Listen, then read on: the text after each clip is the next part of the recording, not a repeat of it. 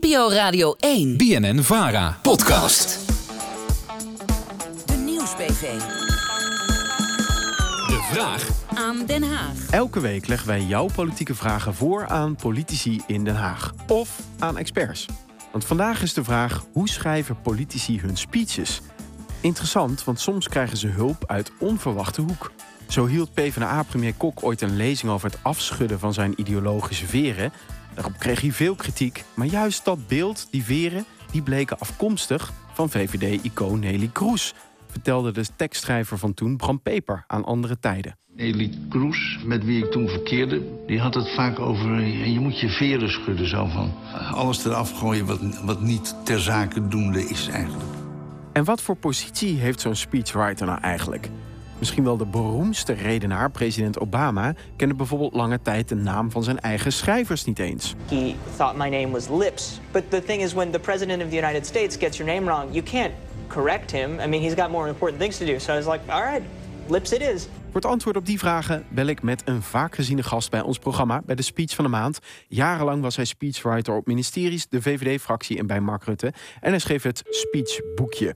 met Huip Hudig. Huip Hudig. Toen ik bijvoorbeeld speeches schreef voor Rutte, zagen mensen mij in hun hoofd hand in hand door Den Haag huppelen. En dat is helemaal niet je positie als speechschrijver. Je bent gewoon iemand die daar zit, die af en toe wel bij hele leuke vergaderingen mag zijn, maar eigenlijk een best ondergeschikte positie hebt. Ja, want de grote eh, de vraag van de luisteraar is: eh, hoe werkt dat speechwriter voor politici? Maken ze gebruik van mensen zoals jij of schrijven ook heel veel politici hun eigen speeches?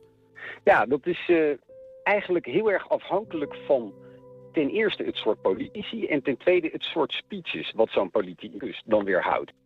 Dus als je bijvoorbeeld naar zo'n minister toe gaat, die heeft dus echt een ministerie waar dan een eh, ambtenaar vaak op basis van een voorgesprek of een notitie inhoudelijk bouwstenen voorbereidt. En die bouwstenen worden vervolgens door een speechschrijver omgezet naar een speech.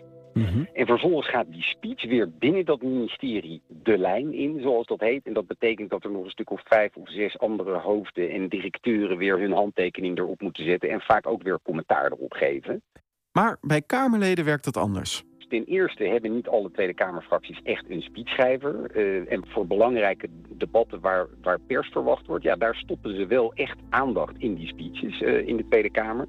En vaak wordt het dan voorbereid door een voorlichter of door een persoonlijk medewerker van een Kamerlid.